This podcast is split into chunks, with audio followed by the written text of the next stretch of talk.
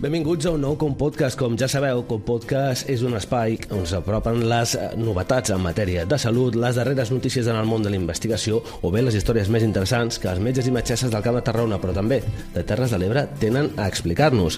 I com recordeu, eh, ja fa un temps vam parlar amb la nova presidenta de l'Acadèmia de les Ciències Mèdiques de Tarragona, la doctora Anna Palau. Avui torna a passar pels micros de Com Podcast per explicar-nos el calendari d'activitats que han preparat per al llarg d'aquest any, que és prou interessant, però no ha vingut sola. En aquest cas també ens acompanya el doctor Jaume Cervelló, que s'estrena en els Com Podcast. Aquest especialista en medicina interna ens explicarà unes jornades que en concret eh, eh, han creat i que pinten molt, molt, molt bé i que eh, estan preparades per futurs metges. Així que benvinguts. Eh, Anna, repeteixes?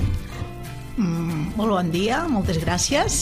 I doctor Cervelló, eh, encantat de tenir-te aquí. Comencem, uh, ho dèiem tot just quan ho iniciàvem, uh, aquesta jornada que no ho hem dit, però el títol és Mir a la sortida, uh, què és i una miqueta en què consistirà? vol ser una jornada per donar informació als metges que acaben ara la carrera i que s'enfronten al MIR i han de triar el seu futur.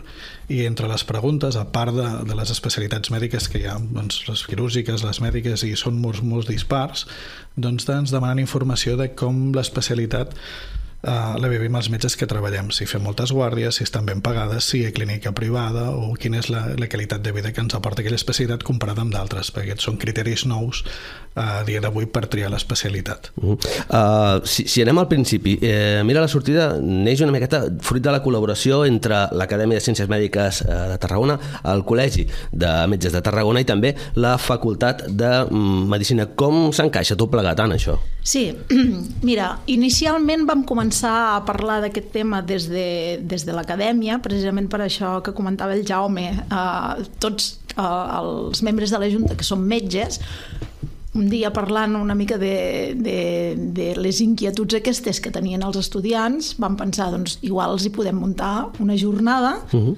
amb diferents especialitats de les que nosaltres pensem que estan més de, demandades o de les que tenen més dubtes i oferir-los això. Això per un cantó. I vam començar, bueno, ho vam llançar així com una idea, però una idea amb potencial, amb potencial de fer-se. Mm. I justament, no sé si va ser qüestió de potser 15 dies, 3 setmanes, en una, en una reunió al Col·legi de Metges, d'on ja sabeu que jo també sóc vocal de, de formació, ens va comentar el president eh, que la degana de la facultat s'havia posat en contacte amb Col·legi de Metges per veure si ens veiem capacitats doncs, per eh, poder muntar algun tipus d'activitat eh, on els estudiants poguessin precisament no, fer, uh, agafar una mica la, la idea de, de tot això.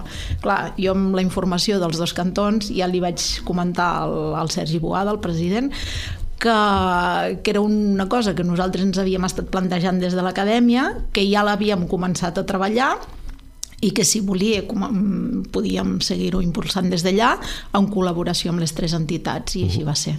Doctor Cervelló, uh, ho comentaves tot just quan uh, iniciàvem el, uh, aquest com podcast uh, més enllà d'aquestes preguntes tècniques que de ben segur us deveu trobar quan esteu fent feina uh, amb aquests alumnes n'hi han d'altres, no? Potser també més adreçades a qualitat de vida, condicions uh, què, què heu trobat? Sí, i abans uh, els residents ho preguntaven molt per les parts tècniques, uh, per la part de formació en si, però que com que al final acabem agafant confiança i els tenim molt temps amb nosaltres, ja s'atreveixen a fer preguntes més personals que ara avaluar una miqueta més si aquella especialitat cobrirà les seves expectatives i les expectatives més enllà de la formació i el desenvolupament professional de cada centre on vagin, doncs també impliquen les guàrdies, el nombre de guàrdies, uh, si tenen sortida per fer atenció privada o no, o si s'adhereixen una miqueta més a el que ells pensen que és la seva qualitat de vida, no? si tenen més disponibilitat de formació, de fer investigació, i com està una mica tot això. Llavors, clar, són preguntes que excedeixen una mica el que és la pràctica en si, perquè estem parlant de pacients i s'està explicant uh, principis, protocols o algoritmes d'actuació, i ells, en canvi, estan més interessats en la part personal, que potser en la pràctica, quan estàs amb pacients o estàs amb més uh, malalts o estàs amb més estudiants, els, és una mica, els costa més fer aquesta pregunta, no? I potser podem afavorir un clima que puguin plantejar aquestes preguntes que no poden fer del dia a dia i poder-los resoldre una mica perquè per ells són importants que ara decidir si si aquella especialitat els atreu o no els atreu, si la, la tenen dintre de la seva llista d'elecció no? o de prioritats. Ho avançava abans la doctora Palau, però el funcionament d'aquesta jornada, eh, com anirà? Amb focus group, oi? O sí. explica'ns... La idea és poder afavorir aquest diàleg eh, i que el, els estudiants puguin preguntar qualsevol cosa que vulguin els professionals de cada especialitat i que cada especialista els hi pugui explicar doncs, des de la part tècnica de l'especialitat o la part d'investigació o la part de l'hospital, perquè depèn de quin hospital doncs, es fa d'una manera o es fa d'una altra, no? No és que una sigui millor que l'altra, sinó que cada hospital té la seva idiosincràsia, nosaltres també estem lluny dels centres de, de referència a nivell d'investigació, però també es fa investigació aquí, no? I a vegades mm. això els hi costa més de veure. I llavors es tracta de primer saber quins són els seus interessos, què són el que amb ells més demanden, no? perquè sempre hi ha anys que cada especialitat doncs, va, es, es posa més de moda un any que un altre, no? i no sabem ben bé en guany què és el que més demandaran o què més els interessarà. Llavors, primer els hi preguntem una mica amb ells quins són els camps que ells volen més informació i després busquem els especialistes que puguin donar-los informació tant de l'especialitat en si, de tots els camps de l'especialitat, ja sigui l'atenció assistencial, tema guàrdies, tema remuneració, mm. Familiar, perquè molts ja s'ho plantegen, i, i bueno, poder-los tindre un, una comunicació més pròxima per dir-los bueno, com és la vivència que han tingut aquests especialistes i si això els hi serveix perquè ells puguin triar, no? inclús sí. explicar-los com és fer l'especialitat i la residència al nostre territori, que és diferent, sí. per exemple, que una gran ciutat, un Madrid, un Barcelona, i que, bueno, doncs per proximitat ells veuen com estem nosaltres treballant i que els hi podem explicar com hem fet nosaltres especialitat, si això els hi serveix de guia per prendre les seves decisions que ara quan vagin a triar la plaça Mir. Mir, uh, la sortida té data ja uh, oficial? Sí, el 25 d'abril. I tenim lloc on eh, se celebrarà aquesta jornada o potser m'he avançat i encara està per acabar de decidir? Mm, depèn una miqueta de, de les seus. En principi n'hi ha alguna de provisional però falta per confirmar. Mm. Dèiem que l'Acadèmia eh, aquest 2024 ha apostat molt fort pel tema de la formació i ha organitzat un munt de coses que eh, avui les coneixerem. La primera són quatre tallers i que la doctora Palau, la presidenta de, de l'Acadèmia, ens podria explicar una miqueta sobre eh, què pivotaran, sobre qui i què pivotaran aquests tallers. Sí, sobretot dir eh, que un dels objectius de la nova Junta de l'Acadèmia precisament és eh, intentar mm, apareiguar totes les professions sanitàries de la, de la, de la província o almenys del, del, del, del nostre, de la nostra referència. Aleshores, eh, hem intentat que les activitats que s'organitzen siguin d'interès comú per, per tot aquest tipus de professionals i en l'altre en l'altre podcast vaig comentar que podien ser universitaris o no universitaris. Hi ha molts tècnics mm. sanitaris que també volem que es vegin representats per la, per la nostra institució. Aleshores, aquest any hem, tenim quatre tallers, dos d'ells ja s'han fet, un sobre gestió de l'estrès, es va fer al gener, un altre que es va fer just la, la setmana passada eh, de sutures, uh -huh. en el qual van participar eh, un munt de professionals de diferents àmbits i, i tots ells van quedar molt contents. I en tenim dos de previstos eh, per un que és pel mes que ve i l'altre de cara al maig. El, el del maig és sobre infiltracions articulars. Potser aquest és el que se centra una mica més en, en potser més en l'àmbit mèdic. Mm. Però, per exemple, el del mes que ve sobre embenats funcionals engloba un munt de, de professionals que, que poden aprendre aquesta tècnica i després aplicar-la amb els seus pacients.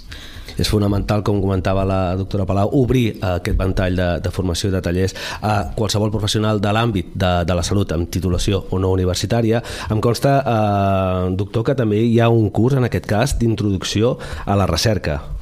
Sí, eh, és un curs per intentar explicar una miqueta com desenvolupes en aquest món que és bastant vast, àrid i que si algú no et guia una mica doncs és difícil no? perquè fa basarda, no, no uh -huh. surts de la facultat i tens unes bases, evidentment, i tens un coneixement, però necessites algú que t'acompanyi i et faciliti una mica les coses perquè si vols començar a investigar, algú t'ha de donar una miqueta de peu per veure com et pots bellugar i com metodològicament s'han de fer les coses bé. És un camp difícil i aquesta introducció doncs, permet habilitar gent perquè es llancin a investigar perquè moltes vegades el desconeixement fa que no ens hi llancem prou i és una vessant de la nostra professió que és tan important com l'assistencial perquè si no continuem investigant no millorarem els processos que fem i jo crec que encara tenim name.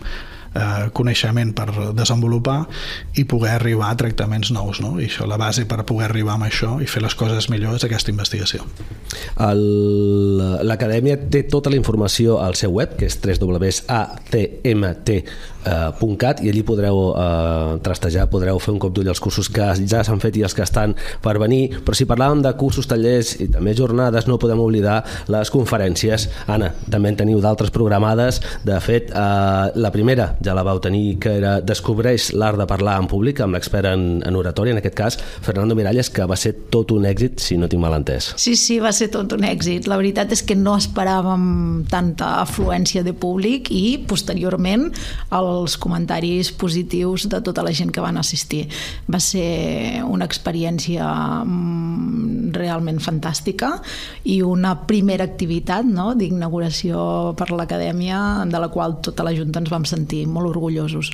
La vam fer el, en col·laboració amb el Col·legi de, de Farmàcia, a la seu del Col·legi de Farmacèutics i, i Advocats. I advocats, correcte. I, bueno, el bo que té aquella seu és que realment té molta capacitat, però una mica més i ens quedem curts. Sí. Quines conferències més teniu previstes? Doncs la veritat és que el, el cicle de conferències aquest any és curtet perquè volíem veure la, la resposta que, ten, que, que tindrien perquè a vegades les conferències no sempre havien sigut potser o encertades o la difusió no havia sigut prou correcta o... i ens feia una mica de por posar-nos en, en l'àmbit de la conferència. Sí que és veritat que el obrir el tipus de conferència, el de temàtica, mm. a, a, doncs, el que hem comentat abans, a un, a un públic més diferent que no sigui només a l'àmbit mèdic, eh, crec que està fent que tinguin molt bona rebuda. Llavors, la següent, està prevista per al mes d'abril és la doctora Raquel Tulleuda, que és una especialista en ginecologia uh -huh. i obstetrícia, però especialitzada en sexologia i realment és una, una molt bona ponent i llavors en tenim una altra prevista pel maig, eh, so, eh, que ens la farà el, el senyor Alfredo García, que és un influencer de, que treballa a la central nuclear d'Escó. Uh. I la veritat és que mm, tots, eh? tant el, el senyor Fernando Miralles, que és l'expert en oratòria, com la doctora Raquel Tulleuda, com el senyor Alfredo García, són eh, personatges molt seguits a nivell de, de, de les xarxes socials, o sigui que això en certa manera també et garantitza que almenys eh, la gent els coneix. Exacte. Uh, enguany la, la filial uh, celebra el seu mig segle de vida, 50 anys, i uh, en tot aquest temps, evidentment, hi ha hagut un, una, una evolució, però sí que amb la darrera, uh, bueno, en aquest cas amb la nova junta uh, que es va conformar l'any passat, com uh, dèiem a l'inici, la institució ha viscut un gir d'uns 180 graus, ha canviat completament, s'ha obert a molt més públic i també uh, ha modernitzat una miqueta el sentit i el fer d'aquesta institució, oi?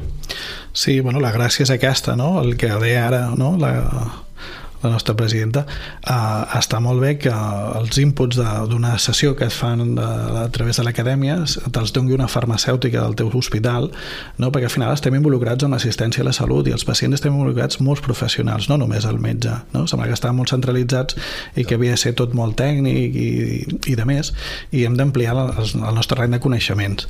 No? I, I al final tots ens dedicam i tots vetllem per la salut del pacient d'una manera o d'una altra, les coses del seu aspecte. I que això ho puguem fer en global sigui per l'efecte de la pandèmia, perquè s'hi hem implicat tots, o sigui perquè ara és més visible, doncs és la gràcia d'aquesta acadèmia que fa un pas més enllà, sembla que sortim una mica de la consulta o d'un llit d'hospitalització i comencem a agafar aquesta dimensió de salut amb tots els professionals que estan implicats, des del tècnic de radiologia, des del tècnic de laboratori, que moltes vegades no se'ls ha donat la visibilitat que tenen. Mm. Però no podríem treballar amb un pacient sense un tècnic de laboratori, sense un tècnic de radiologia, sense un auxiliar d'infermeria o una infermera, qualsevol un bioquímic, gent que està en investigació, que a vegades venen de camps tan complexos com la química, la medicina, la Exacte. física, nuclear, no? I dius, i quin sentit té?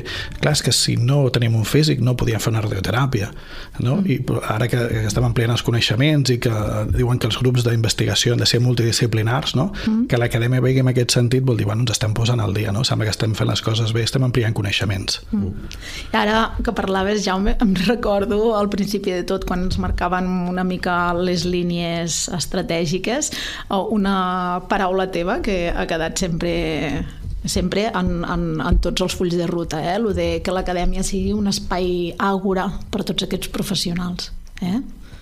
Comentàveu també, eh, abans de- d'entrar a, a gravar, que com a, a detall en aquest eh, 50è aniversari de l'Acadèmia, totes les activitats són gratuïtes tant pels socis com pels eh, no socis, oi? Sí, la veritat és que estem fent un, un esforç important perquè mm, bueno, la, les arques no, de l'acadèmia són les que són, Le, les que hem heredat són les que són i ja us dic jo que no són massa esplèndides, però eh, sí que hem decidit que almenys per promocionar una mica lo, la feina que estem fent i bueno, mm, per celebrar no, aquests 50 anys de, de filial no, d'acadèmia de la nostra filial de Tarragona eh, intentaríem que aquestes activitats fossin totes eh, a cost zero per als, per als inscrits no? Uh -huh. i de moment sí ho estem fent així. Ja de cara a l'any que ve Ja jo parlarem, penso no? que serà complicat eh, o haurem de començar a jugar amb patrocinadors o col·laboradors o amb que algunes activitats doncs, siguin més econòmiques o gratuïtes pels socis que per aquells professionals que no siguin socis de, de l'acadèmia. Però bueno, de moment aquest any ho hem aconseguit. Doctor Jaume Cervelló i doctora Ana Palau, moltíssimes gràcies per apropar-nos a aquest programa formatiu de l'Acadèmia de Ciències Mèdiques de Tarragona i qualsevol coseta, això és casa vostra.